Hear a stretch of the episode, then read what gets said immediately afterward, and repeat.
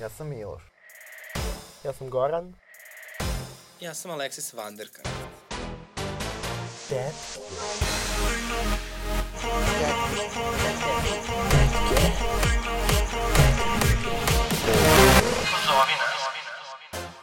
Dobar dan i dobrodošli u novu epizodu Tetki.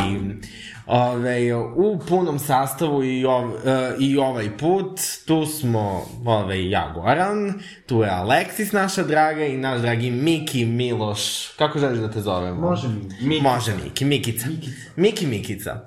Ove, za razliku od prošle epizode koju smo snimili, uh, koju smo snimili na daljinu, sad smo se ponovo okupili jer sam ja šta preležao koronu. Bravo, she's alive. She's alive, da. Ove, tako da prelažao sam ko koronu i osjećam se super i sad ću doniram krvnu plazmu, tako da se osjećam i vrlo humano. Ove, tako da da. Je se brže umaraš sada nego pre bolesti? Jo, pa ne znam, moguće. Ne primećuš nekakvu razliku?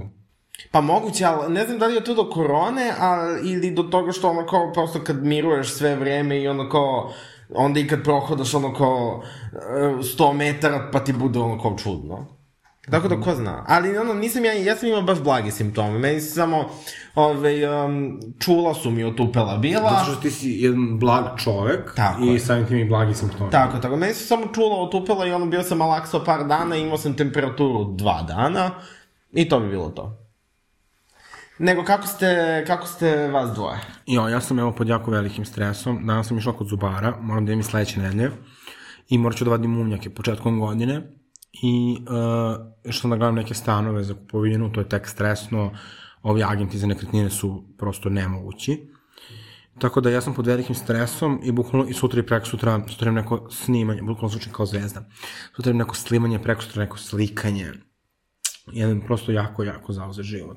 E, ali to su kao, e, postoje tri posebne vrste ljudi. Majstori, e, agenti za nekretnine i ovi instruktori za vožnju, što sam ti rekao Da, prošli. i, i, a, imam problem i sa majstorom, pošto je trebalo da dođe prekjuče, pa je rekao da će doći juče, pa je došao juče, onda je rekao da ipak nema taj neki ventil, i onda je rekao da će doći danas i onda je opet i danas nije došao. A pritom treba da ga platim 6000.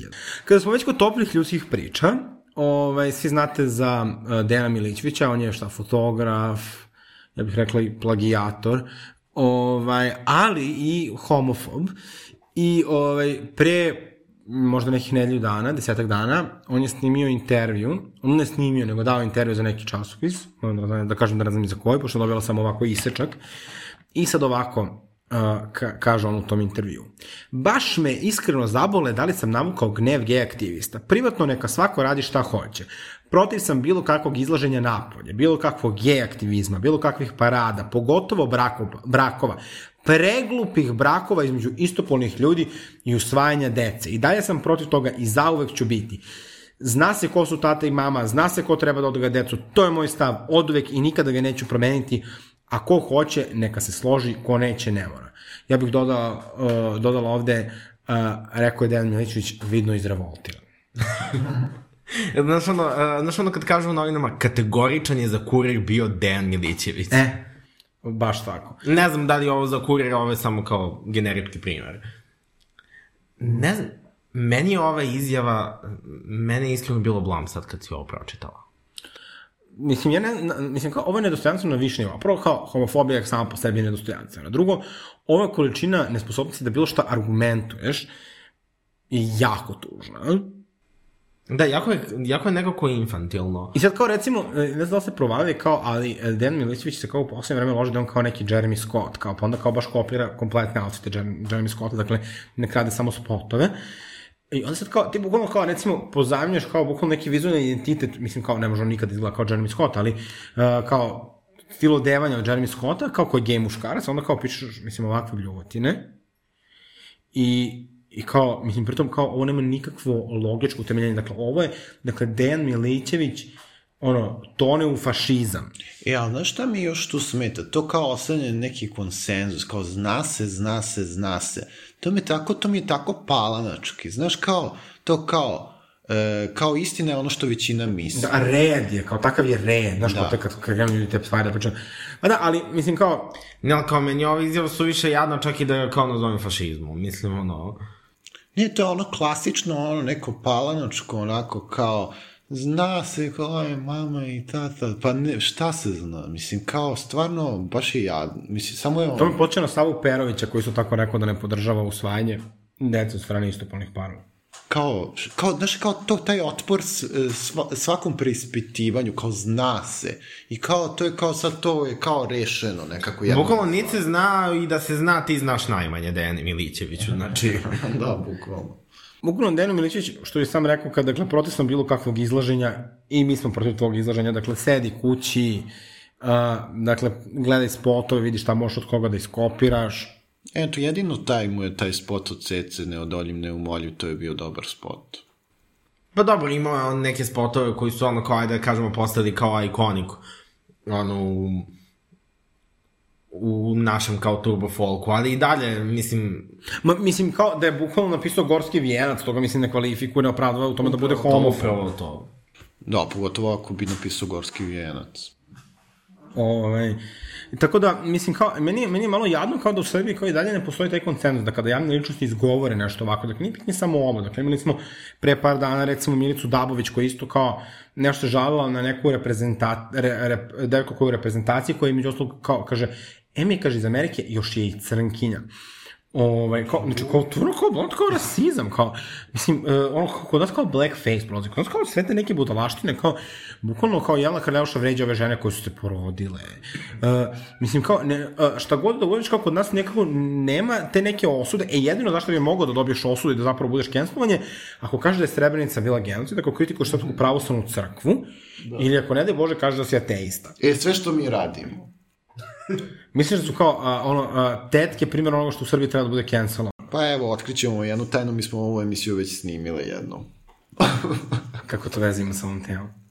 Pa zato što smo u toj emisiji, re- ja sam rekao da sam antiteista, e, šta je još? Ne, bilo? mislim da smo ovi, uh, emisiju snimili ponovo zato što nije ličilo ni na šta. Ne, mi smo, mi smo shvatili da je zapravo mnogo bolje da snimamo emisiju kada probamo i onda, ovaj, onda kao iz drugog puta nam to bude sve super. E sad, druga javna ličnost na koju bi Dejan Milićević trebalo da se ugleda, dakle, ne nužno možda po frizuri, stilu oblačenja, e, mislim, možda samo zato što njemu ne bi stajalo, znači mi smatramo ozbiljnom jednom lutkicom, je Jovana Jeremić. I Jovana Jeremić je na pitanje šta bi ovaj, uradila da je čerka lezbijka, odgovorila sledeće. Ovo je kao neki dvougao. Misliš Jovana Jeremić versus Dejan Milićević? Da, kao isto pitanje, ali onda dva različita. Inače, evo za ljude koji ne znaju i Miloša, odnosno za Miloša i sve druge koji ne znaju, Jovana Jeremić je voditeljka televizije Happy i sad kao mi se ne bismo sad vetarno vrednostno bavljeni onom što ona zastupa, ali ovdje imamo koji je jedan lep stav i pitanje kaže ovako, kako bi reagovala da ti je jednog dana čerka saopštila da je gej? Da li bi je podržala? To pita Nevena iz Subotice. Kaže, da mi dete saopšti da je gej, odmah bi ga podržala. Moj stav je odavno jasan po tom pitanju, imam mnogo prijatelja koji su gej i to su sjajni ljudi. Moja čerka ima prava da bude šta god želi, samo mi je bitno da bude dobar čovek i da je odgovorna. Nije važno ko sa kim odlazi u krevet i koliko ga voli. Ljudi vole da glume bogove, dosta sebi dozvoljavamo, a često nismo ni ljudi. Vrlo ok stav, dakle prosto uh, mislim da je strašno važno da kada javne ličnosti iz koje god sfere, šta god mi misli o njima, iskazuju uh, ovako afirmativne stavove prema LGBT zajednici i pre svega prema to se, da ono, se razume da, da kao roditelji treba da, da nam bude to važno, da su nam deca neki pristojni ljudi. Meni je jako simpatično u toj izjavi Jovane Jeremić što, iako je to izjava u vidu teksta, ja tačno čujem njen glas. Tačno čujem. Da mi dete kaže da je gej, odmah bi ga, odmah bi ga podržala.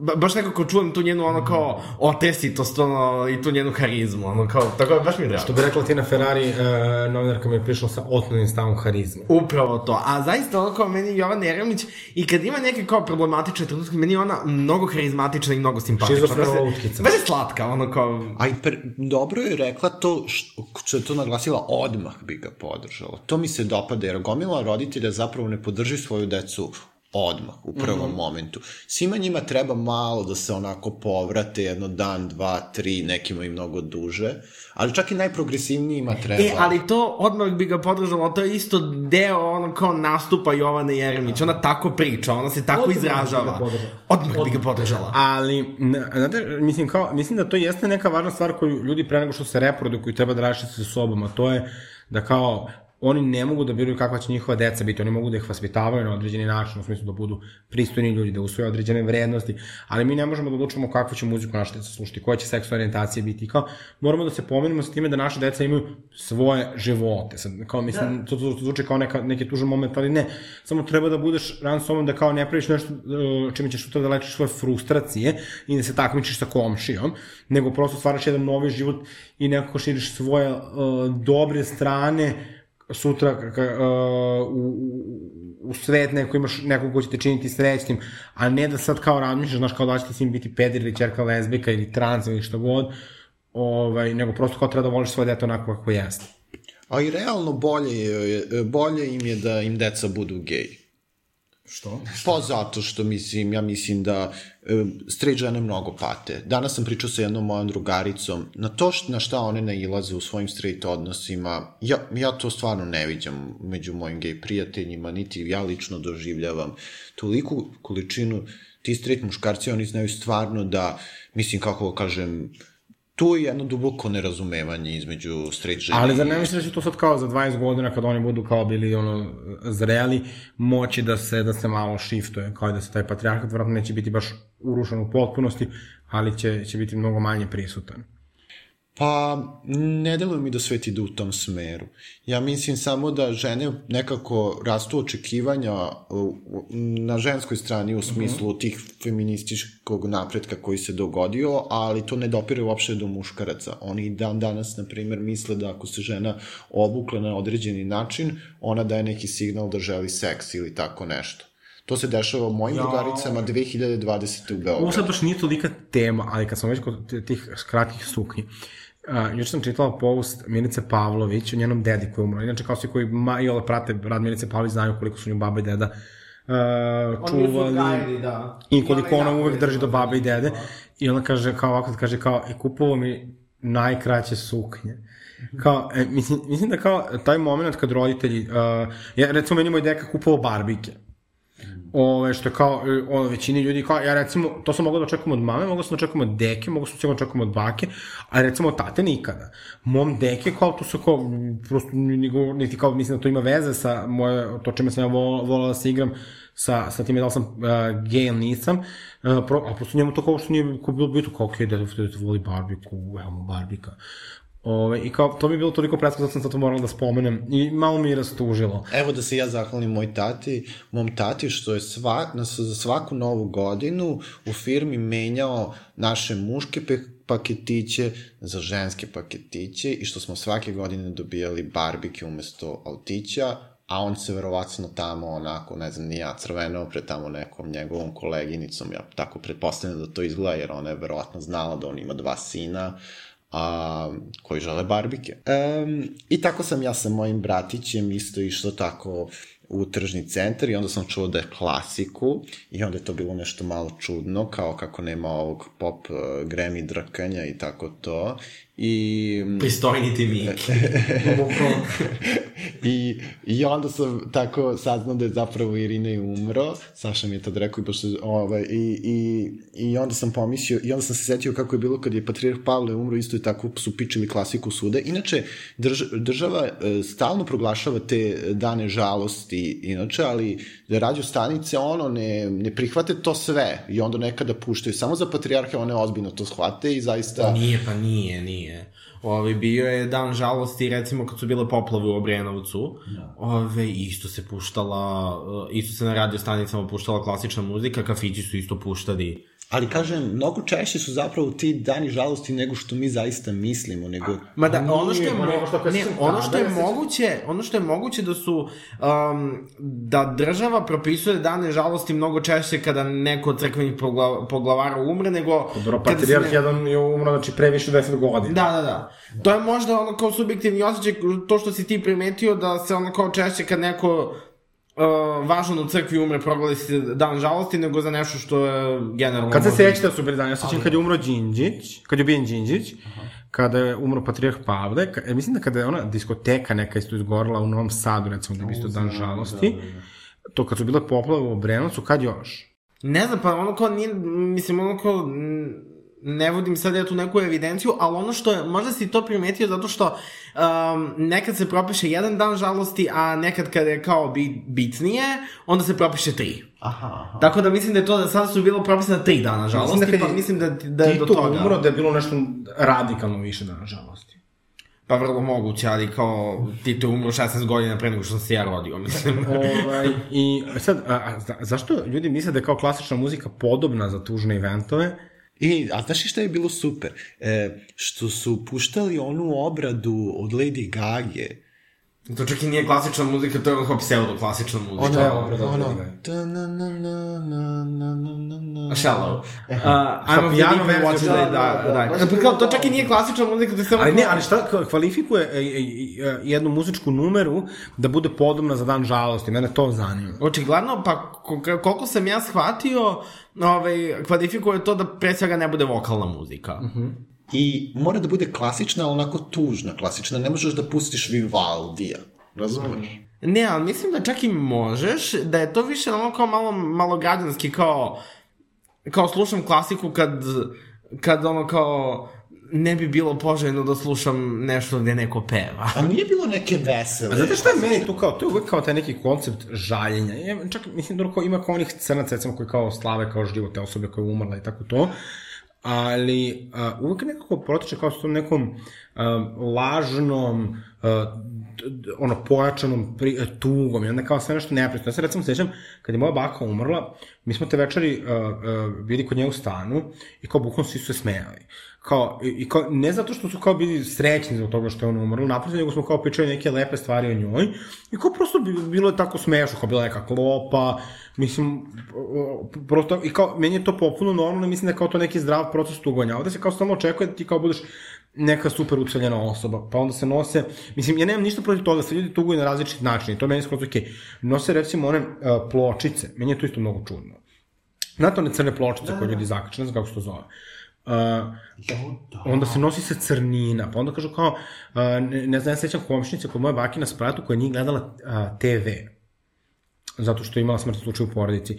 I sad kao naravno nikad nećeš da ti nekome kažeš kao ja, nja, nja, nja, nja, ali kao nekako, ja sam to baš uh, uh, pričala i sa mojom, ja sam rekla kao, bi se meni nešto desilo i ako umrem kao pre vas, kao ne želim da nikad budete zarobljeni time, čak i ako mi se desi nešto tragično da me neko ubije, tako nešto ako kao, uh, kao se neka velika nepravda desi, više draže mi je kao da ono, se ne bavite pretarano time, nego kao da budete zarobljeni mom smrću, kao ko, ko, konstantno da osjetite neki pricak zbog toga, kao Čak sam izrazila želju da me, da me sahrane tamo ovaj, u selu, gde je rođen, pošto tamo se ne plaća porez.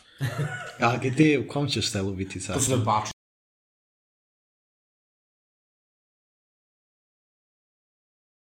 I, ali to si baš inter, interesantno prokomentarisalo to za uh, te pločice, mislim se zovu plakete. Ove, uh, ja recimo, ja mislim da nikad ne bih nosio plaketu. Ove, možda bih bio nekada u, ono kao kad se desi neki ono kao tragičan, tragičan događaj, možda bih bio u crnini u, vidu odeće, ali ne bih, no, jer kao, kad se obučeš skroz crno, ne mora da znači da je nešto crnina ili ne, razumeš? Razumete? Ove, kad, Kad se obučeš- skroz opučiš u crno, ne mora da znači da je nešto crnina. Pa, a, kad se obučeš skroz crno, ne mora da znači da si u crnini, možda ti se samo dopada crno, razumeš? A kad nosiš plaketu, onda nedvosmisleno daješ signal da ti se nešto dogodilo i ja iskreno ne volim kad me neko zapitkuje oko takvih stvari. I onda, mislim da ono kao kad bih nosio plaketu, da bi apsolutno svaka osoba Mislim, ne iz zle namere, ali kao, svako bi me zapitkivao, kao, e, šta se desilo, a mene bi sigurno mrzelo da pričam i sigurno ne bih bio u stanju da pričam i sigurno ne bih hteo da pričam. Ove, tako da mislim da bih pre, ako bih nosio nekakvu crninu, odabrao bih pre crninu u vidu garderobe, a ne u vidu plakete. Jo, meni je to malo nekako kao, čekaj, šta onda ti signaliziraš drugim ljudima? Ja sam ucveljen, hajde pričajte sa mnom o mom gubitku, jel to? Da, ali to je slično sada, recimo, dosta ljudi... Kao pitanje običaja. Da, ali dosta ljudi, recimo, ja sad, ja generalno ne volim, ja nekako do, doživljam kao neku svoju tu, kao neku intimniju stvar, dakle, mogu o tome da popričam sa prijateljima, sa porodicom, sa terapeutom, ali ovaj, ne želim da baš pretredno dajem sa ljudima. Vidim da dosta ljudi recimo sada šeruju to na društvenim mrežama kada im neko umre. Ja sam na početku smatrala da je to kao dosta neukusno.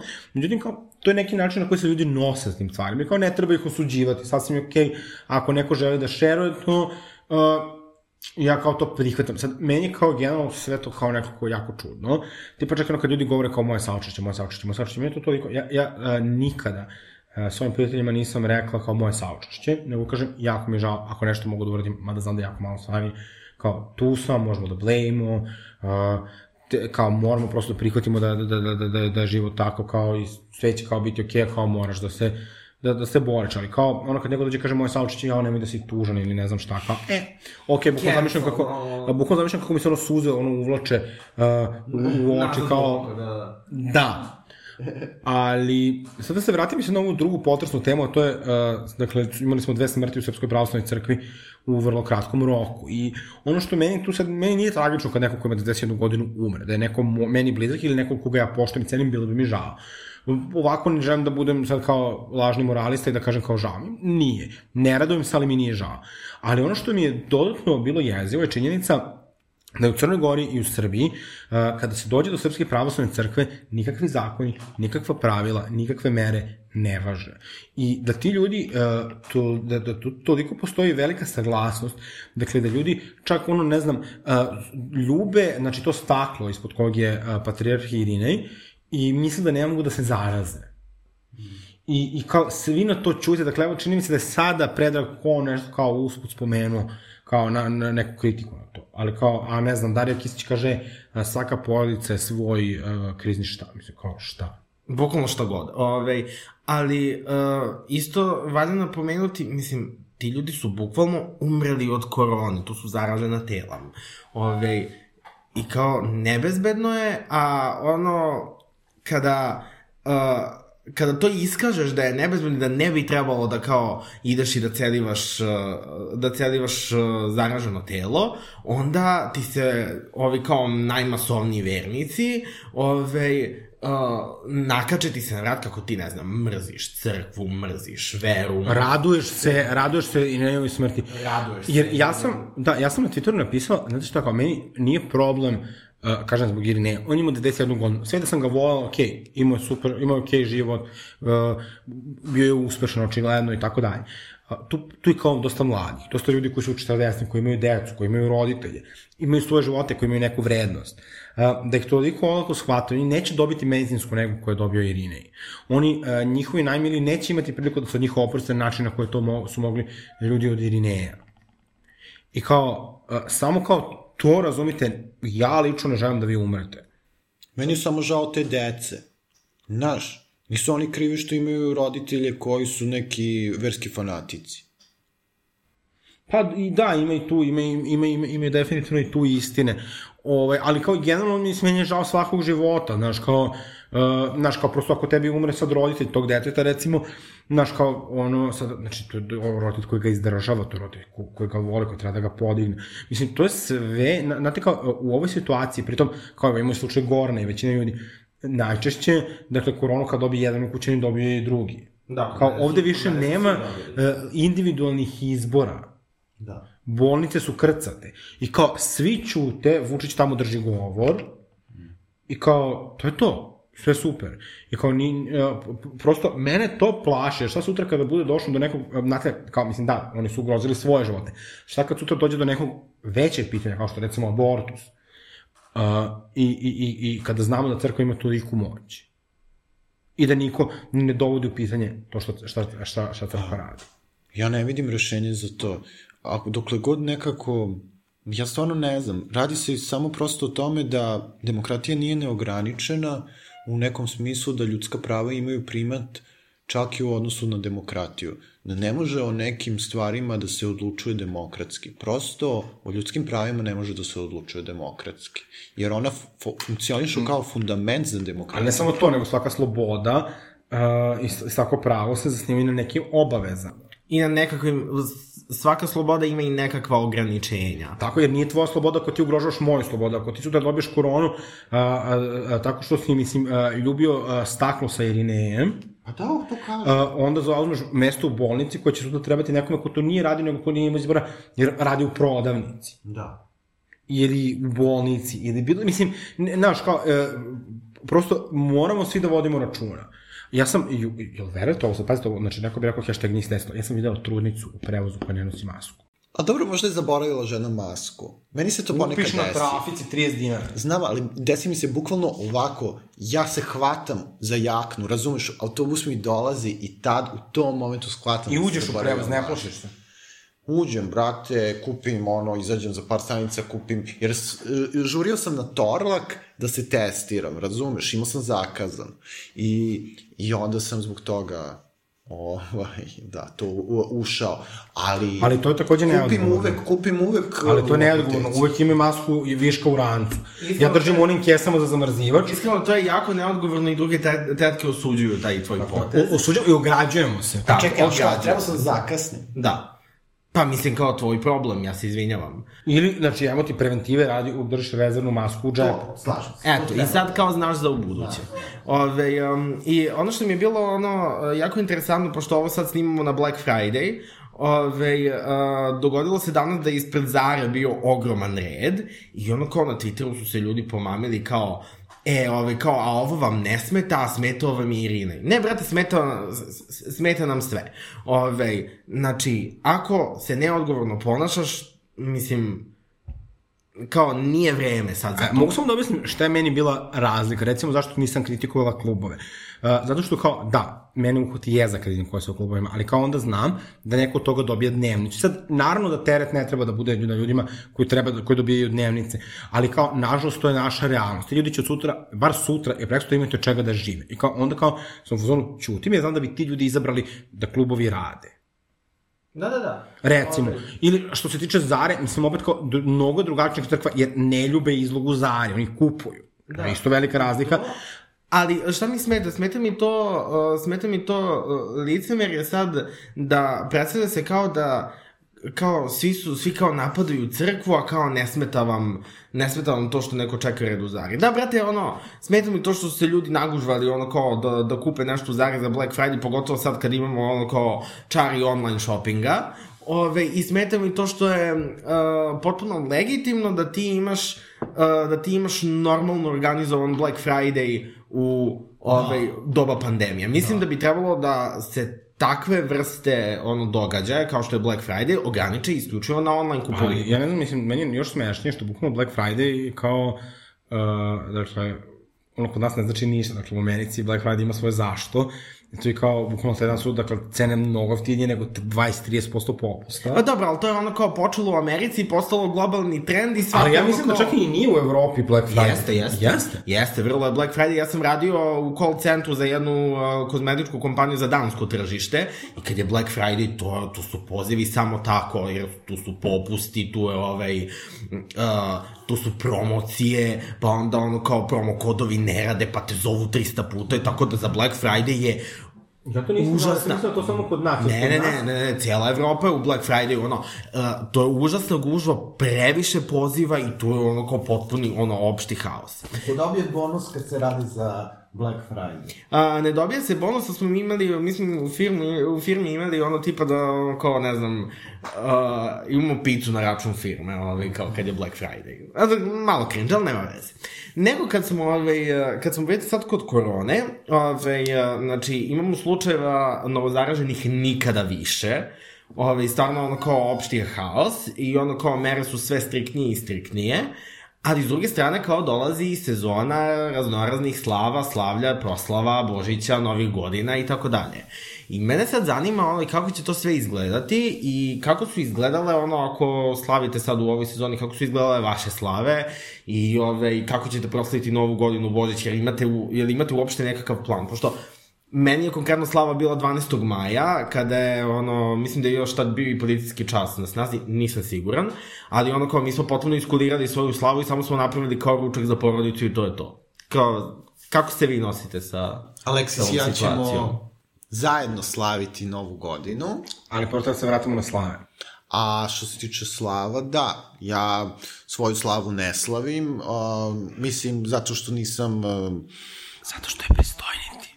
nisam ovaj, pravoslavan, iako sam iz pravoslavne porodice, uh, tako da, eto, ja ću, mislim, moju, ovaj, taj uh, slobodni dan uh, ovaj, koji sam planirao za slavu provesti sa svojim dečkom, jer slavim ljubav, a ne svece. Topla ljudska priča. Da, a, što se tiče toga da ja, a, iako sam kao iz a, vrlo raznolike porodice, dakle, s jedne strane smo pravoslavci, s druge strane katolici, ove, mi, slavimo sve, mi slavimo dve slave, dakle, jedna je sa... Je, a, slavimo Svetog Nikola i Svetog Aranđela, ali nikad se to slavi u krugu porodice, kao i recimo Božić i tako dalje, tako ja volim sve te praznike. Čekaj, kako? Ako su ti jedni katolici? Ja, e, pa to je sad ovako jako komplikovano, zato što je baka bila katolikinja, a deka je bio komunista. Ovaj, I onda, pošto deka nije htio da krsti decu, i bio je kao baka onda na svoju ruku krstila moje mama, moje mama i moje tetke u katoličkoj crkvi, a deka je onda, kako on kaže, u nekim godinama se prevencija radi, svi postanu, treba da postanu vernici, počeli da slavimo slavu i onda smo počeli slaviti Svetog Nikolu. I, ovaj, Basic. I ovaj, da, ali se kod nas to uglavnom obražavalo u krugu porodice, baba i deda su dok su bili živi, Svetog Aranđela slavili onako poprilično po 3-4 dana, to je ono bilo po, po 20-30 kilo kolača, ono, bukvalno uh, viša srednja klasa i kao ta njihova okupljanja. To čak ni nije bilo kao neko pitanje sa nekom, moja baba nije bila domaćica, dakle, moja baba ništa nije znala da spremi. Uh, moja baba je sve naručivala, ali su uvek pravila da, da sve ona spremi, uvek je bila jako ponosna, ja, to je bilo ima, jako Ima važno. ceca jednu izjavu fantastičnu za, ovaj, uh, za svoju slavu. Ovaj, uh, kada, znate kako cecina slava je uvek kao event godine, ono pa dođu svi novinari kod nje na Svetog Nikolu i tako dalje. Ima jedna izjava koju ja stalno, stalno citiram. Kad se neki novinari pitali da li ona sve ovo sama spremila. I ona je izjavila legendarnu rečenicu. Nije prava domaćica, ograđujem se, ovo je neko moje mišljenje, prava domaćica. Nije ona koja sve sama spremi, već ona kod koje niko nije osto gladan. I si ti osto gladan? Molim lepo. Molim lepo. Da, ali meni mnogo nedostaje moja stava. Ja mnogo volim svoju slavu, pošto ove, moj tata baš uh, drži do toga da kao proslavimo slavu što više gala. Ove, I uh, kad, kad smo provadili da uh, nam oduzima jako mnogo vremena organizacija svega i sama slava oduzima jako mnogo vremena, jer ne živimo u nešto pretredno velikom stanu, a kao hoćemo dosta ljudi da pozovemo i onda to traje tri dana. I onda smo ovaj, skontali da nam je zapravo kao slavlje u kafani, ovaj, sve goste potrpamo ovaj, u kafanu jedan dan i pri tome izađe, što se tiče cene, izađe skoro pa isto kao kad praviš veliku slavu kod kuće.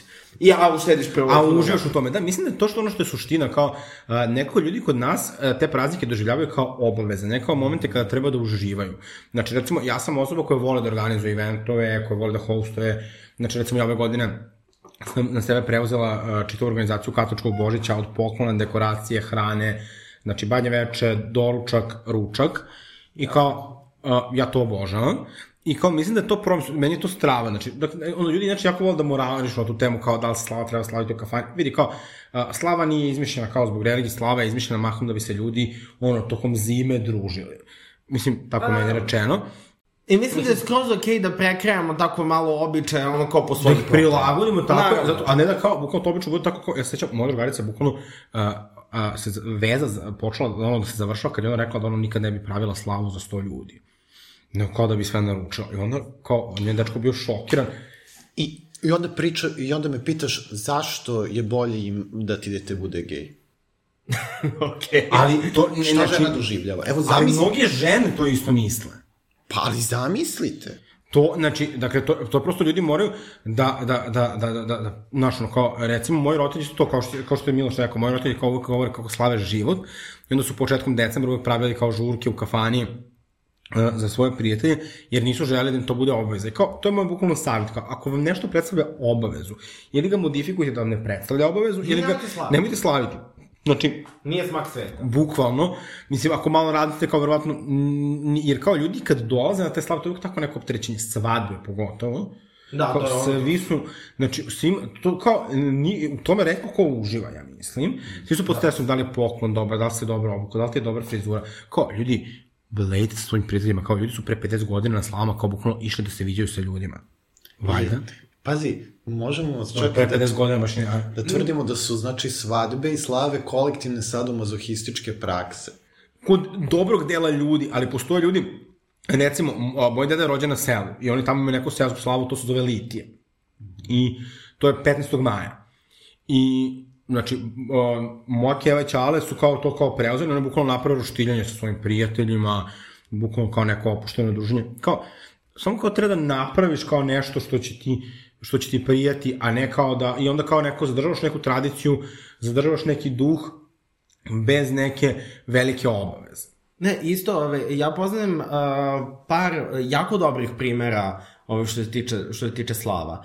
Ove, uh, recimo, roditelji jedne moje učenice, oni ove, nemaju, mislim, kao ne slave slavu, kao ni, ni jedna strana porodica ne slavi slavu i oni su odlučili da odaberu neku potpuno random slavu, da slave prosto da bi okupili sve svoje prijatelje jednom godišnje na jednom mestu. ne. Ove sad, ove, Alexis je spome, spomenula neku referencu, bila je neka, ove, um, uh, neka osoba na Twitteru koja se predstavila kao određena Tijana Bobar i onda je ove, jedna prava ove, osoba Nina Bobar je nju raskrinkala jer kao ona se nikada ne pojavljuje na slavljima ove, na, uh, na slavljima kao svih Bobara na svetu postoje kao svakih pet godina okupljanje negde u Bosni ove, tako da to je bila Alexis, Alexisina referenca ali kao poznajem recimo taj primer i isto jedna moja drugarica koja isto kao roditelji ono kao roditelji uopšte nisu vernici ali su odlučili da odaberu 1. januar kao novu godinu i da tad naprave nešto što liči na kao generalno slave, da samo kao okupe sve svoje prijatelje na jednom mestu. I znači da moja drugarica, moja drugarica je Slava Božić, zato što je se tato zove Boždar i onda iz nekog razloga im je Slava Božić. Wow. Ne, ali meni su omiljene pokretne slave. Ove, koje su...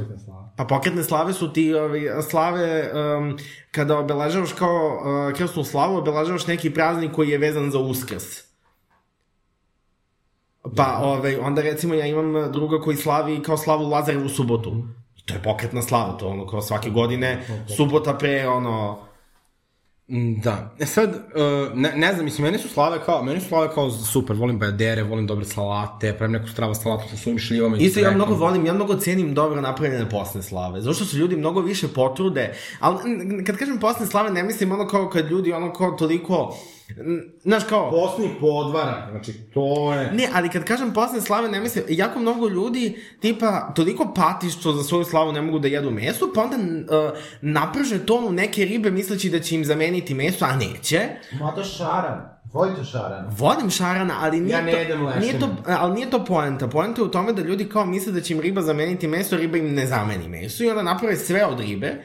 Ja volim ribu, ali kao daj malo raz, raznovrsnosti nekakve. I onda kao mnogo volim kad neko se potrudi oko posle slave, pa to budu ono kao i pite i nekakve ono kao silne salate. Ove, tako da ono kao treba cijeniti dobro posle Ja sam inače svoje vremeno, moja slava je bila Spearsov dan i to je bio rođendan Britney Spears 2. decembar i kao imam baš sam šerovao pre neki dan sliku na Twitteru, bukvalno smo imali kola, čovjek onako piše Britney Jean i sveću, ikonu i sve. Ovaj, ali nekako me popustio taj entuzijazam, malo na to, za sve isto iziskuje neki trud i gomilu pijenih pedera u kući, tako da ovaj, sam, sam prestao to da praznujem, mada ove godine... Tako da je Alexis postala homofobična umeđu vremenu. Ne, bukvalno za Britney rođendan sam spremila jednu super stvar, to zapravo to ćete već vidjeti na mom Instagram profilu, pošto ovo izaći 3. decembra. Ovo ćete vidjeti bukvalno jedan remake Britneynog luka iz spota Toxic. Ove, ali o tom potom. Ne, ali kad smo ovi... Ali kad smo već kod Britney Spears i kod pesme Toxic, Kod uh, pesme Toxic, to je, znate da je to je jedina pesma Britney Spears koja je dobila Grammy. da, to, da, to je bukvalno jedna velika sramota, ali dobro. I ono, Grammy svake godine, ali apsolutno svake godine ono kao nekoga pokrade, a nekada ima i ono kao tendenciju da određeni izvođače stalno krade. Da, to kao što je. Mariah Carey, recimo. Kao što je Britney Spears.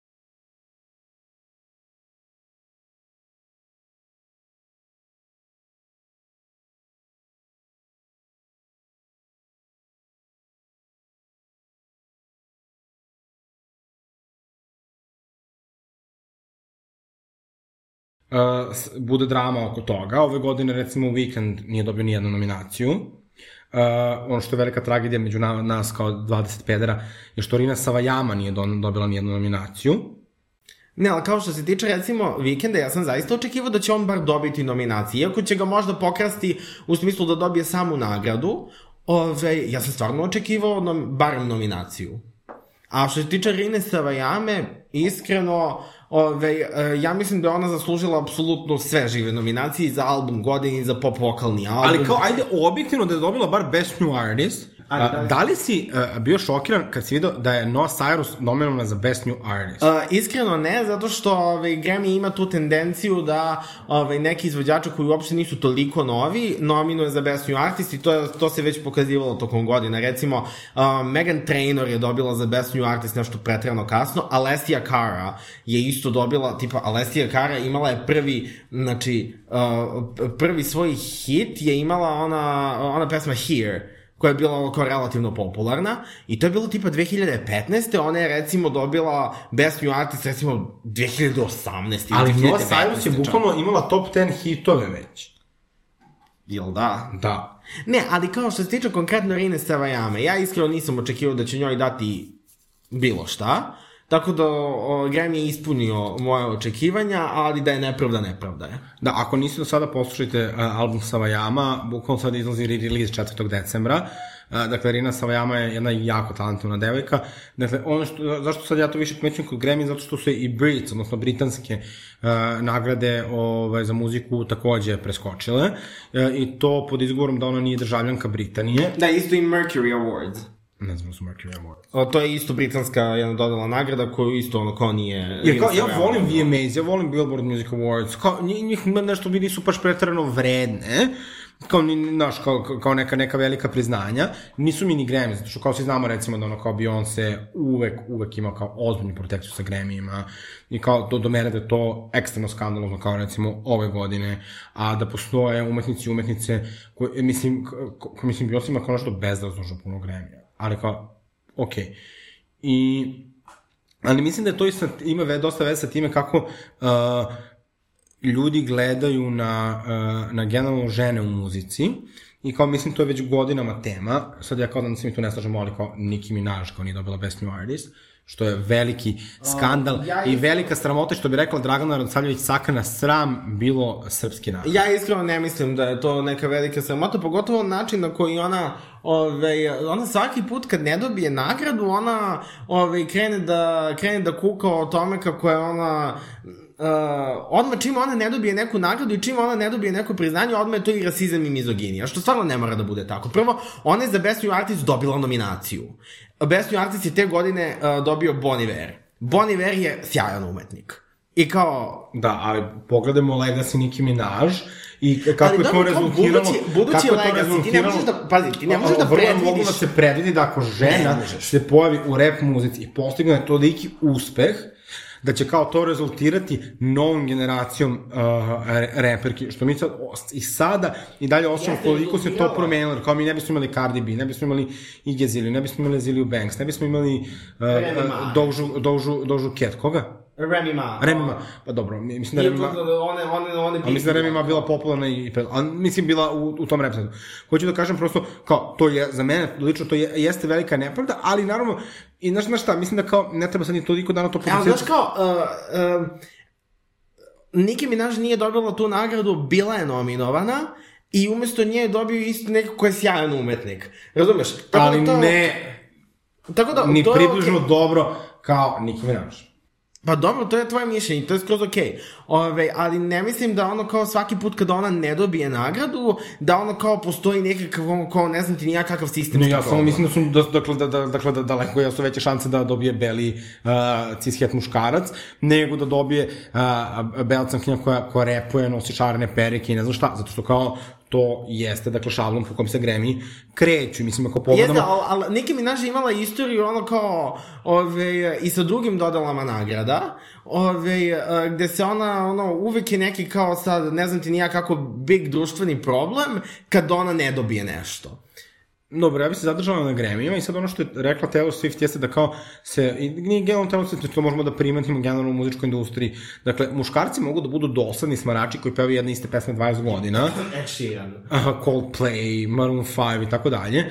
Pritom meni kao Coldplay i ono kao džene džene, ono, bar muzika je nešto, ali Maroon 5 je meni kao Ja to ne znam, znači. Coldplay, ovo je ono. Uglavnom, znači, žena, svaka era mora da ima Znači da peva uživo, da piše tekstove, da ono da ima budu vrhunske spotovi, da. koreografije, uh, znači da, ono reinvencija vizualnog identiteta, znači ono kao ludilo, uh, idemo. Dok kao, i bukvalno, ako muškar, muškarci mogu da budu dosadni, znači cijelo se život i kao svi će dalje kao ono padati u nesvest. I uh, to je kao jedna ve velika nepravda koja mene strašno smara. S druge strane, isto se nekako podrazumeva da kao žene kao se iz nekog razloga smatraju da kao da, da, da nisu kao mainstream atraktivne, kao što recimo Adele, da su one automatski umetnice i veće umetnice od onih koji su mršave, koje recimo Petam, nemam ništa, obožavam lutkicu Adele. I kao, to dobro ilustruje, recimo, sam njen primjer kad je ona smršala, kako su ljudi krenuli kao, ja, ne delo mi da je srećna, ne delo mi ovo, ne delo mi, kao to strašno, se kao, kroz, na koji debelski način se kao gledaju žene u muzici. Da, i to, ovi, fantastični primjeri su uh, meni Lady Gaga i Taylor Swift. Lady Gaga koja je ono, ona je, znači, od kad se pojavila do samo, ajde kažemo, 2011. Znači, ona se pojavila 2008. O, kao do 2011. ona je imala tri albuma i na sva tri albuma je ona izgledala potpuno drugačije, imala potpuno drugačije pesme, ove, um, ceo ono kao vizualni identitet, sve je bilo potpuno drugačije jedno u odnosu na drugo. Ove, I to je tačno isto i Taylor Swift. Svakim svojim albumom je Kad je prešao na pop. Da, ali ove, i njeni e, raniji album, znači kao njen crossover u pop je, je krenuo prethodnim albumom ne, pre nego što ona zvanično postala pop. Pravo, misliš, single.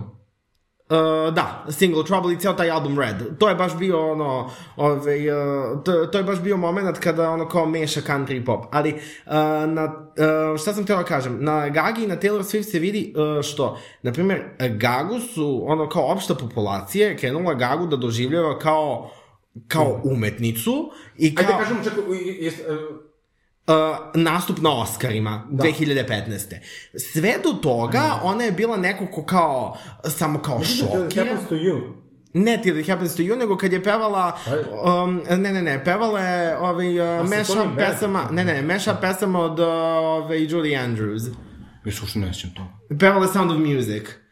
Uopšte ne sjećam to. Kako se ne Ka, sjećaš? a to, je bilo posle, Gra- ne, posle Super Bowla, ne, kad je to bilo? Ne, to je bilo 2015. Ne, ja sam htela da Ovaj, kažem da, da mislim da smatraju za umetnicu uh, uh, tek nakon Star is Born. Uh, jedan, ove, jedan talas verovatno da, ali prvi put kada je opšta populacija videla da ona kao nešto zna, je bilo 2015. na toj dode, na dodeli Oscara, ove, na tom nastupu, I, ove, a pri tome Gaga od početka svoje karijere peva brutalno, piše svoju muziku, Svira klavir. svira klavir, igra, znači, lomi se na sceni, da bi To ono što se kao- lomi na sceni nije pohvalno.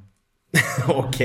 Ali kao, da bi tek kao uh, sedam godina kasnije ljudi primetili, e, ona zapravo zna da peva. Pa uvek je znala, uvek je znala, kako, znači, bukvalno kao jebite se. Vidno je iz Revoltera bio Goran. Tako je. Isto ono kao, ove, uh, Taylor Swift koja je tek sad kao poslednji album i ono kao kritike su ono kao ishvalile, ne znam ti, ne znam ti ni ja kako, i stvarno album je genijalan, ali tipa ona je od uvek pisala su svoju muziku, kao od uvek je bila jako kreativna.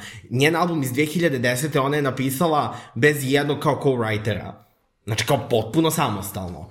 Za razliku od Beyoncé, za koju svi znaju da bukvalno uzme tekst, promeni tri reči i potpiše se kao writer, kao, ali kao bukvalno ono se odaje priznanje na Grammy, mislim, i to je kao, to, to znaš, kao, to, to, to nije samo Lady Gaga, dakle ima tu, znaš, ono kao gomila, zato što kao sad bi neko rekao, kao, znaš, kao, pa kao ovo je rasizam, kao vi kao, sad, put, ono, kao, ne, ja mislim, recimo, meni je Dijana strava kao umetnica i kao, mislim da je stvarno genijalna, kao da, da ono, to koliko ona ima kontinuitet u, u, u, i u komercijalnom uspehu i u sposobnosti da deliveruje dobre albume, stvarno impresivna. Jasno. I pogotovo što nekad bila kao single artist, sad je bukvalno ono jedan kroz jedan album artist.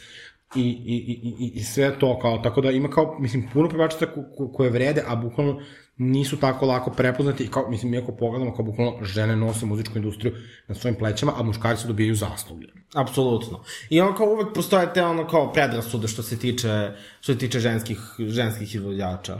I uvek kao postoje, kad god ono, Ove, uvek uh, nekako ka, kao da su ono kao muškarci u muzičkoj industriji kao imuni na predrasude.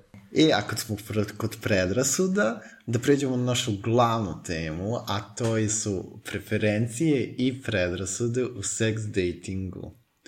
A, pa, Obožavam kako mi, mi, mi tetke, kako slajdujemo iz teme u temu kao m, ključna reč. U puteru. Kao, kao nož kroz puter, da. Ali tako da Miki nastavi. U ovom slučaju si ti nožnik. Wow, to mi je super. Um, pa jeste primetile to ovaj, po Grindru, ovaj, kako ljudi e, izražavaju svoje preferencije, mislim, svi mi imamo nekakve preferencije, ali neke se nalaze u opisu profila i malo nekako ponekad mi deluje kao da e, mogu za neke ljude da budu uvredljive ili mogu da budu uvredljive ako se dovoljno učestalo ponavljaju. Razumete ono što... Da, da, ja mislim da to nije sad pitanje... Svaki drugi profil, ono, no fam, no Da, fat, ali znate što no... se meni tu što, što sad malo ne volim, kao što mi to kao stalno vezamo za, uh, kao uh, uh, gej, bi i sve ostale muškarce koji su u bilo kojoj meri isto polno orijentisani. Uh, ako zapravo se malo napravimo tri koraka unazad, vidjet ćemo da zapravo to uh, funkcioniše, da je to kao jedan heteronormativ i da sad kao postoje neke, neki normativi koji su razvili unutar same gej zajednice, koji su takođe toksični, ali recimo, ja samo radim ovako, koliko puta, pogotovo žene, bivaju pitane na televiziji ko je njihov tip muškarca, ili muškarci ko je njihov tip žene.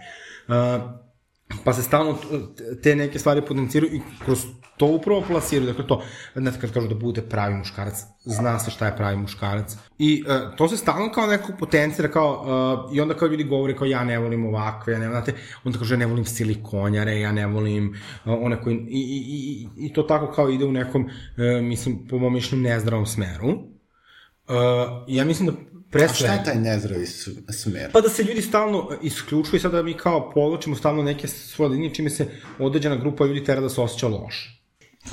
E, a jel misliš da je to problem uh, samo onda kada se kreira e, kao neka vrsta konsenzusa, nekog vrste standarda, jer imam utisak kako sada ljudi kažu, eto, ja vol, ne volim silikonjare, ti voliš silikonjare, okej, nekako kao šta god, ali nekako meni, mislim da je problem nastaje onda kada se kao svi ili velika većina ljudi slaže da nije lepo biti debeo, da nije lepo biti mršav, da nije lepo biti fem, Razumeš? Da, ali uh, mislim da, da ne, ne znam koliko, ja mislim da je uh, sad kao, to možda se menja, mislim da je prvo pitanje pristojnosti, da takve stavove ne izražavaš javno. Dakle, ako se tebi neko ne dopada, fizički, mentalno, kako god, uh, znaš kao, to manje više nikog ne zanima, pa čak ni tu osobu. Ok, ne dopada ti se, nije strašno kao većina nas jedno drugima ne dopada. I kraj.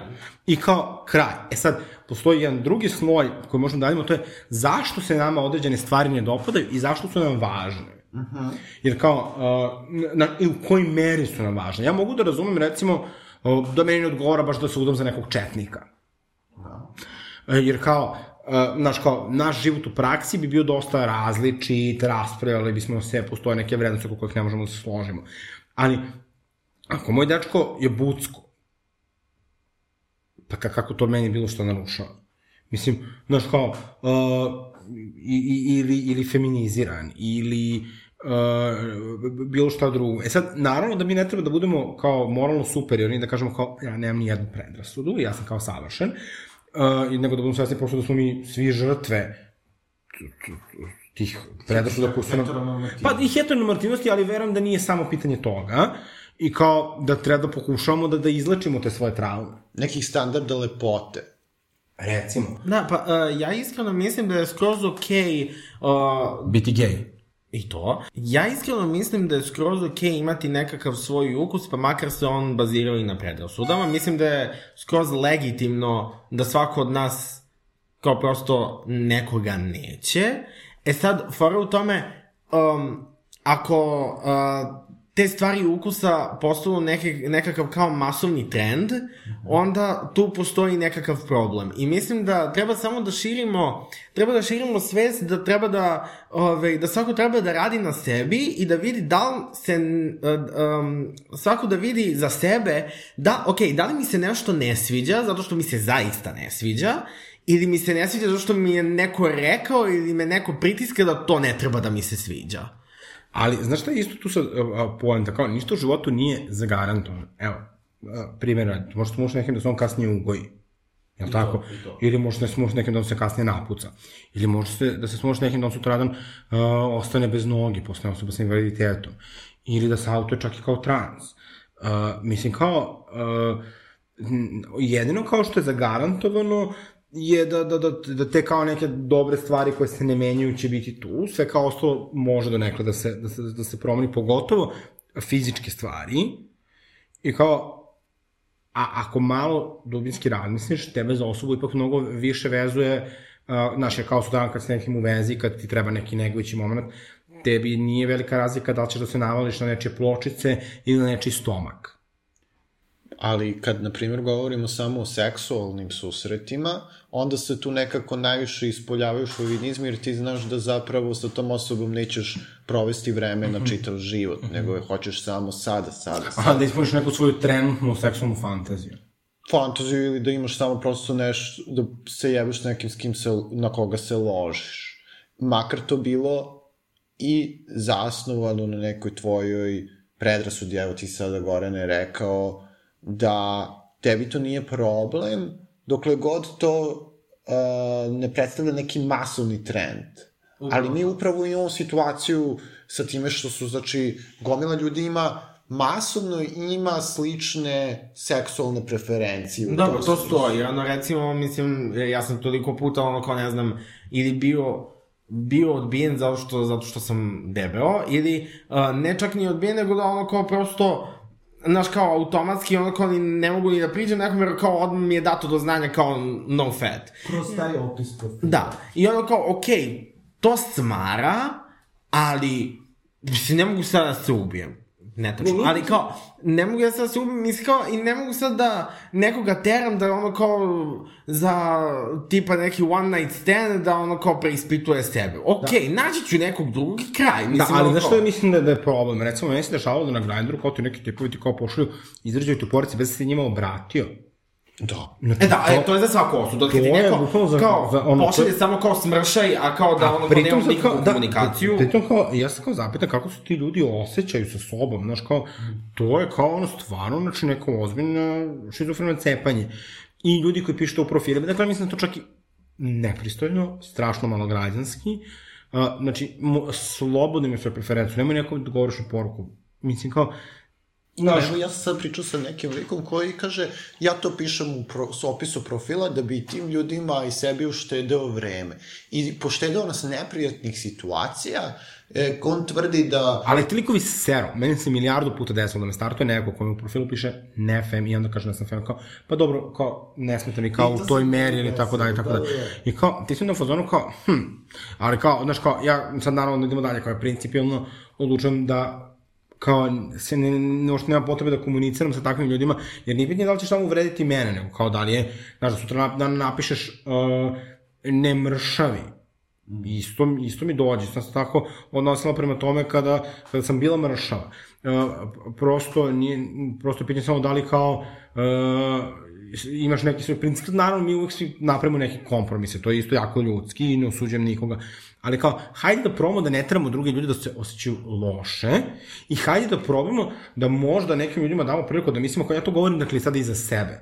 Dakle, da, da, da možda mi nismo baš toliko savršeni kao što mislimo. Da, ovaj, uh, i meni isto to kao, to fem, ne fem, meni je to pitanje jako konfuzno, iskreno. Jer kao, meni se milion puta događalo da me neko kao startuje me na Grindru i onda me pita kao, da li si fem? Kao, šta je tačan odgovor na to pitanje? Ne znam, nemam femometar. Bukvalno. Znači, kao šta je tačan odgovor na to pitanje? Jer kao, ja jesam donekle feminiziran. Nisam najfeminiziranija osoba koju poznajem, ali nisam i najnefem osoba koju poznajem. Ma da nekim ko su najfeminiziranije osobe od Gorana. Ali dobro, sad, mislim, ono, sad kao, ovaj, uh, mislim, na stranu, ono, kao svaka, kažemo, šega, ali, š, da li sam upotrebio reč šega, da jesam, ne, ne osuđujte me, ali, šta je, šta je poenta? Ja sam u nekim segmentima sebe, sam feminiziran, u nekim nisam. Znači, kao, ja imam ono kao relativno feminiziran glas, imam relativno feminiziranu gestikulaciju, ali recimo moj i moj fizički izgled, moj, um, moj fizički izgled nije preterano fem, ja sam jako maljav, recimo, ono kao nisam ono kao sad neki kao mršavi twink, a pri tome I ono tipa moj način oblačenja ono kao nekada fluktuira između kao vrlo feminiziranog i kao vrlo ono kao što bi uh, vrlo kako da kažem Znaš, kao izgleda vrlo gej u smislu kako ljudi percipiraju kako gej treba ili ne treba da izgleda, uh -huh. a nekada izgleda vrlo kao kao svaki drugi kao heteroseksualni muškarac, opet kako to ljudi percipiraju kako se straight osoba oblači. Tako da to je jako, mislim, ta kategorija fem je jako, jako arbitrarna. Da, mislim, kao, ja u nekom svoj slobodno, mislim, čak 90% svog vremena, dakle, i van drega, i čak i tu u poslu, nosim trenerke, ono kao što bi se, bukvalno moglo se okreći kao neki batica stil. Da, da. Ali kao, mislim, ja mislim da kao ta femica iz mene izvire, mada danas mi agent za nekretnine rekao, pa valjda ćeš se oženiti, imaćeš devecu. E, a kada mi to govore, ja, ja stvarno ne znam kako te ljude da protumačuju, oni mene zajebavaju, ili su oni do te mere nekako... Ne, ne, ja mislim da, da kao to toliko heteronormativnost ušlo da. u glavu da uopšte ne postoji, ne postoji opcija. Ali kao, ajde da kao probamo da izađemo kao sa nekim konstruktivnim savjetima za ljude kako da se nose sa svojim preferencama. Mislim, ja ne mislim da nužno svako mora se da, da leči svoje preferencije, ali super ako hoćete da challenge-ujete sebe. Znate, evo šta je jedan, evo, kažemo, u argument protiv predrasuda to što ćete moći da imate veći broj e, seksualnih partnera, odnosno imat ćete veći taj pool ljudi koje ćete, između kojih ćete moći da birate. Jer ako vi sebe opteretite u smislu kao to, ne fem, ne fet, uh, ne stari. Znači, vi stalno sebi sužavate pul, isključujete gomilu neke... Znači, neke... ako imate standarde, u lošoj ste poziciji. Pa, ali ne, ali, mislim, kao ne... Aj su to, kakvi su, mislim, to su tako neki kretenski standard. Ja mislim da ljudi treba da prioritizuju svoje standarde, zapravo vide šta je suštinski važno, a šta je samo trip, i da onda, znaš, kao pomisliš, recimo, sad pričamo, dakle, i o vezama i o, o, o, o sex. Dakle, šta ti je sajze suštinski važno kod sex date šta ti je suštinski važno kod, kod veze, -hmm. I da onda shvatiš zapravo da to, da li je neko fem ili nije, recimo, ne igra neku ulogu, da uh, prosto, i da sa druge strane postoje neki kvaliteti koji mogu da prevagnu. E sad, uh, postoje neke stvari koje uopšte ne bi trebalo da budu problema, to su boja kože, to feminiziranost, Uh, Ali dalje, ja ne mogu nekome da zabranim da, da ne mogu nekome da zabranim da se... I niko te neće ni naterati, niko ti neće reći jebi kineze, uh, razumeš, inače si rasista. Samo kao, nemoj u tome da se izjašnjaš naglasu, da dakle, pitanje neke pristojnosti i kao, budi svesna da to ipak jeste neki nivo, uh, neki nivo, uh, kako da kažemo, ono, unutrašnje diskriminacija, može tako da se nazove, ovaj, koji imamo u sebi, kao možeš eventualno probaš da je challenge-uješ Ali opet, niko te neće natrati da imaš seks sa bilo kim ili da budeš u sa bilo kim. Kao, nema potrebe da se plašiš, samo pitanje kako te stvari adresiraš. Kako, kako, kako se te stvari challenge-uju? To je nešto što je izvan nas. Nije to nešto što je racionalno promišljeno. A probaš da racionalizuješ, protiv pritaš terapeuta. Ne, mislim, znaš ono, da li ti možeš... Ja mislim da, da je femfobija gotovo uvek autohomofobija. Eto ti. Znači, mislim da ukoliko kaže da se ne sviđaju uh, određena rasa, da je to zato što imaš određenu sliku o toj rasi sa televizije, igrica i neke druge viceva ili čega god. Mm -hmm. Dakle, ja, uh, znači sad mislim, možemo, na, znate, kod nas ljudi kažu kao jao, samo da mi ne dovede muslimana, samo da mi ne dovede ovo ili ono, kao, znači, uh, to, to je vrlo jasno dakle potiče. Isto tako, zašto ljudi diskriminišu osobe sa invaliditetom? Pa zato što osjećaju sažaljenje prema njima. I onda ih kao popuno, ono, deseksualizuju. Ili još gore, ove, neke određene grupe, da, da li je gore, ali svakako je jedno koje jezivo, fetišizuju. Da. Meni se isto događalo da ono, mi se javljaju kao ljudi koji kao imaju fetiš na debele ljude. I kao, ok, s jedne strane, ok, kao, ok, privlačan sam ti, kao to je sve super, ali kao s druge strane, brate, osjećam se kao jebeni komad mesa, da. kao ne osjećam se uopšte I, kao ljudsko da, biće. I sad evo recimo jedan super primjer, da li znate koliko puta smo gledali u filmovima, kad neko kaže I love you i onda nastane problem u vezi. Da. I kao, to, znači, se toliko puta prevazi. Se, pazite, stvarno ima ludih situacija. Meni je lik posle dva dana, znači, kuckanja neko I love you. Bukvalno bio, bio stranac. Ali kao, a, kao ljudi kad se to kaže, ljudi kao čupaju kosu, pa kao osetio si ljubav prema nekome i to kao bukvalno kakva drama, buhuhu. Da, pa mislim, onda kao to su stvari koje, koje, kojim sam se ja opterećivao u srednjoj školi, tipa kao, e, u vezi, ono kao, ne smeš da mi kažeš volim te pre, ne znam, šestog meseca veze. Mislim, kao, ja ne volim generalno puno reći volim te, ali nekad kao to izgovoriš i kao to sasvim ok, to izgovoriš i pritim, kao to nije big deal, kao, nisi ništa potpisao, kao, znaš, kao, to što je, uh, ono, uh, Kerry Bradshaw doživjela kao Nene Sloan kad je jedan neko da je voli, pa kao pobegla, mislim, i upala jer cipala, razumeš, u, u, u šaht, uh, kao, to je film. Serija. Serija, pardon, pa dobro, možda bude. Ima i film.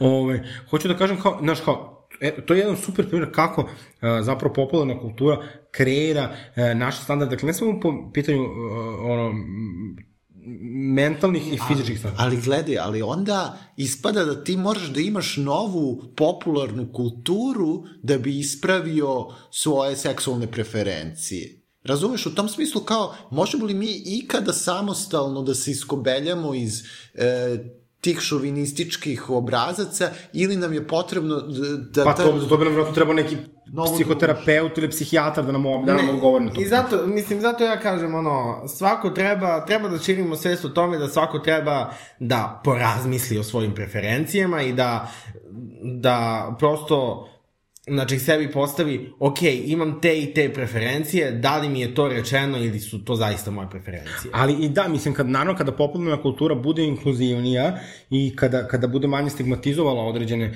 marginalizovane grupe, onda će samim tim i ljudi krenuti da menjaju svoje preferencije. A do tada e, će to biti e, ono, da kažemo, zadatak nekih emancipovanih ljudi u društvu. Mislim, to sad se zvuči jako ružno. Dakle, ja ne govorim iz neke pozicije kao neke osobe koja kao ide kaže, a, samo da je dobar čovek, kao, ne. I iskreno mislim da je ova tema ono kao možemo fino da ono kao porazgovaramo o tome, da malo raširimo svest, ali da je i dalje što se tiče samog bilo kakvog delovanja nekako malo i nemoguće i malo ispravljanje krivih drina. I mislim da ono gde postoji još jedna velika predanost, o tome smo, toga smo se doticali u prošloj epizodi, to su ljudi koji razmišljaju neheteronormativno. Dakle, da li su u pitanju otvorene veze, da li su u pitanju polijamorične veze. Vidite, ja ću biti mnogo srećan da mi partner dođe i kaže, E, pa ja sam kao jebi ga za otvorenu vezu, to problem ili ti nije problem, nego da imam nekog lika koji će ono paralelno, mislim, da ima neki tamo lažni grinder profil i neki ono telefon, pa kao da ide da se je bucka okolo. Tako da sve u svemu mislim da možemo da zaključimo ovu temu sa ljudi su govna. ne, budite otvorenog uma, probajte da challenge sebe, nemojte da odbacujete ljude na prvu loptu i uh, nemojte da očekujete previše jer ni vi niste previše, verovatno. Tačno. Sve si dobro rekao. Zato i sedite sad kući kao očenici i slušate tetke. Tako je. Ove, mislim da je sad vreme da ove, uvedemo u našu finalnu, ove, u finalni segment emisije tetke, ove, a to je Bravo ličnost. Bravo ličnost. ok, ovaj jingle vidit ćemo da li ćemo ga usvojiti nadalje. ok, jezivo, žao mi je što ste ovo morali da čujete. Imala sam nesreću sa ušima. Bukvalno sam imala nesreću sa ušima. Sve u svemu, ko je, ove, ja bih prvo pitao Miloša, ove, ko je osoba koja je prosto obeležila uh, njemu ovaj period od dve nedelje? A, u pitanju je u pitanju je nova bolivijska ministarka kulture, dekolonizacije i depatriarhalizacije Sabina Orlean. A čekaj, ona je ministarka a, kulture, depatriarhalizacije i, tako, i kulture kulture dekolonizacije Zarez? i Da, da. Znači, to je ministarstvo za sve to, to je neka nova levičarska uh, bolivijska vlada i ona je deo nje, tako da ovaj, vrlo zanimljivo. Ona sve čestitke inače, Sabini. Sve se čestitke Sabini, a ona je i sama, ovaj, kako se zove, deo um, autohtonog, ona, ona je, znači je a, a, iz autohtonog naroda, e, tamo iz naroda Kečo i predstavlja nacionalnu kon, konfederaciju autohtonih žena iz e, sela Bolivije Bartolina Sisa. E, pa svaka čast Sabini. Ove, I sad bih pitao Aleksis ko je, ko je njoj obeležio Jo, ja ću ove nedelje ostati uzdržana, a, pošto sam jako zadovoljna ovaj, vašim nominacijama, tako da ću ostati uzdržana i ja ću glasati. Evo sad, Gorane, recite. E, ta, tako da ja ću sada da ono, obznanim ko je, ko je moja bravo ličnost. Moja bravo ličnost za ovaj period od dve nedelje je Monika Lennon. U pitanju je škotska političarka iz stranke škotskih laburista. Uh, ove, koja je u parlamentu Škotske predložila zakon o dostupnosti higijenskih uh, uh, proizvoda za menstruaciju. Ove, tako da ono, ove, uh, uh, ulošci i tamponi da budu, uh, da budu dostupni ono kao i najnižim klasama ove, uh, i da budu dostupni u svim javnim WC-ima. I mislim da je to jedan jako divan predlog, jako progresivan predlog i svaka čast na tome, to je usvojeno, tako da ono, stvarno ono... Usvojeno je. Ja, usvojeno je, Ja kad sam gledao ovaj link koji si slao, ovaj, mislim da sam video Sam kao... pratio vest. Aha, nisam, ne, ni, Pa nisam. je Internet Explorer. Ali evo da mi budemo Google Chrome za tebe, usvojen je zakon i mislim da je... I u Škotskoj sad svi imaju Da. tampone. Bravo. Tako da svaka čast Škotskoj i nadam se da će i druge zemlje ono slediti taj primer.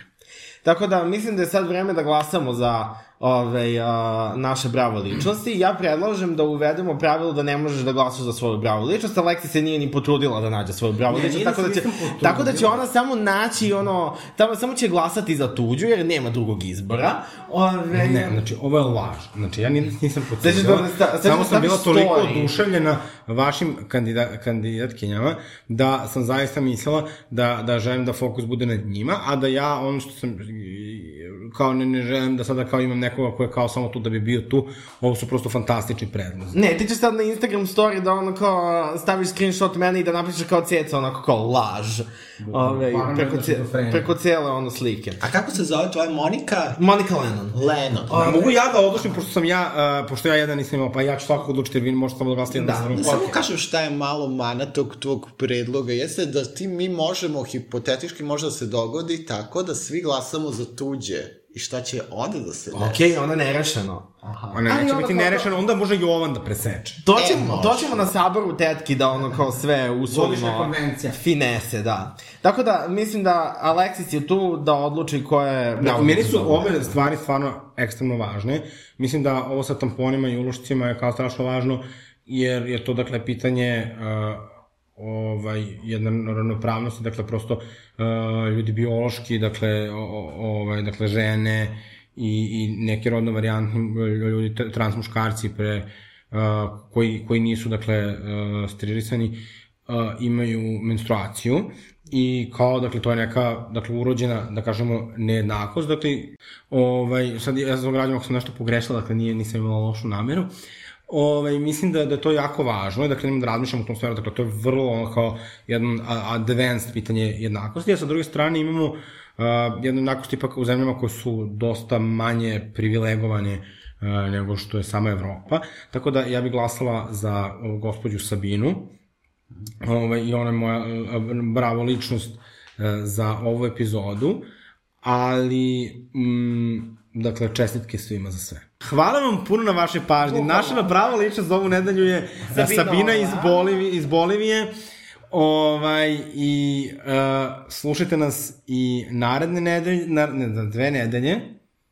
Ja bih ovom prilikom da čestam rođendan Britney Spears koji je 2. decembra. Tako, a, i da čestitamo rođendan meni, koji bio mi je rođendan 22. novembra. ti čestitao. Pa dobro, ali evo sad i ovde da mogu i u komentarima da mi čestitaju. Uh, sure. Tako da, ove, a, bravo lično za ovu nedelju, za o, ovaj period. od Ja, dve ja da nedelje. čestam rođendan i Teodori uh, Marković koji je isto rođendan 2. Jer decembra. mi pravimo od ove emisije želje čestitke. Pa to mi je dete. Mislim da treba da onako, da zatvoramo emisiju. Hvala vam na pažnji svima. Bravo ličnost je Sabina Orleana i ove, slušajte nas i za dve nedelje. Nadam se, ove, nadam se da ćemo i, o, i u ovoj emisiji i u svakoj narednoj servirati jednaki kvalitet. I, dakle, slušajte tetke, šerujte, komentarišite, recite šta vam se dopada, šta vam se ne dopada. Mislim, to što vam se ne dopada možete u privatnim porukama, a u komentarima samo najbolje. I da, mislim, to što vam se gore ne dopada nije do nas, prosto ne možemo da ga izbacimo. ne želimo. Potpisao sam ugovor. Do kraja godine. Prijetno. Ćao!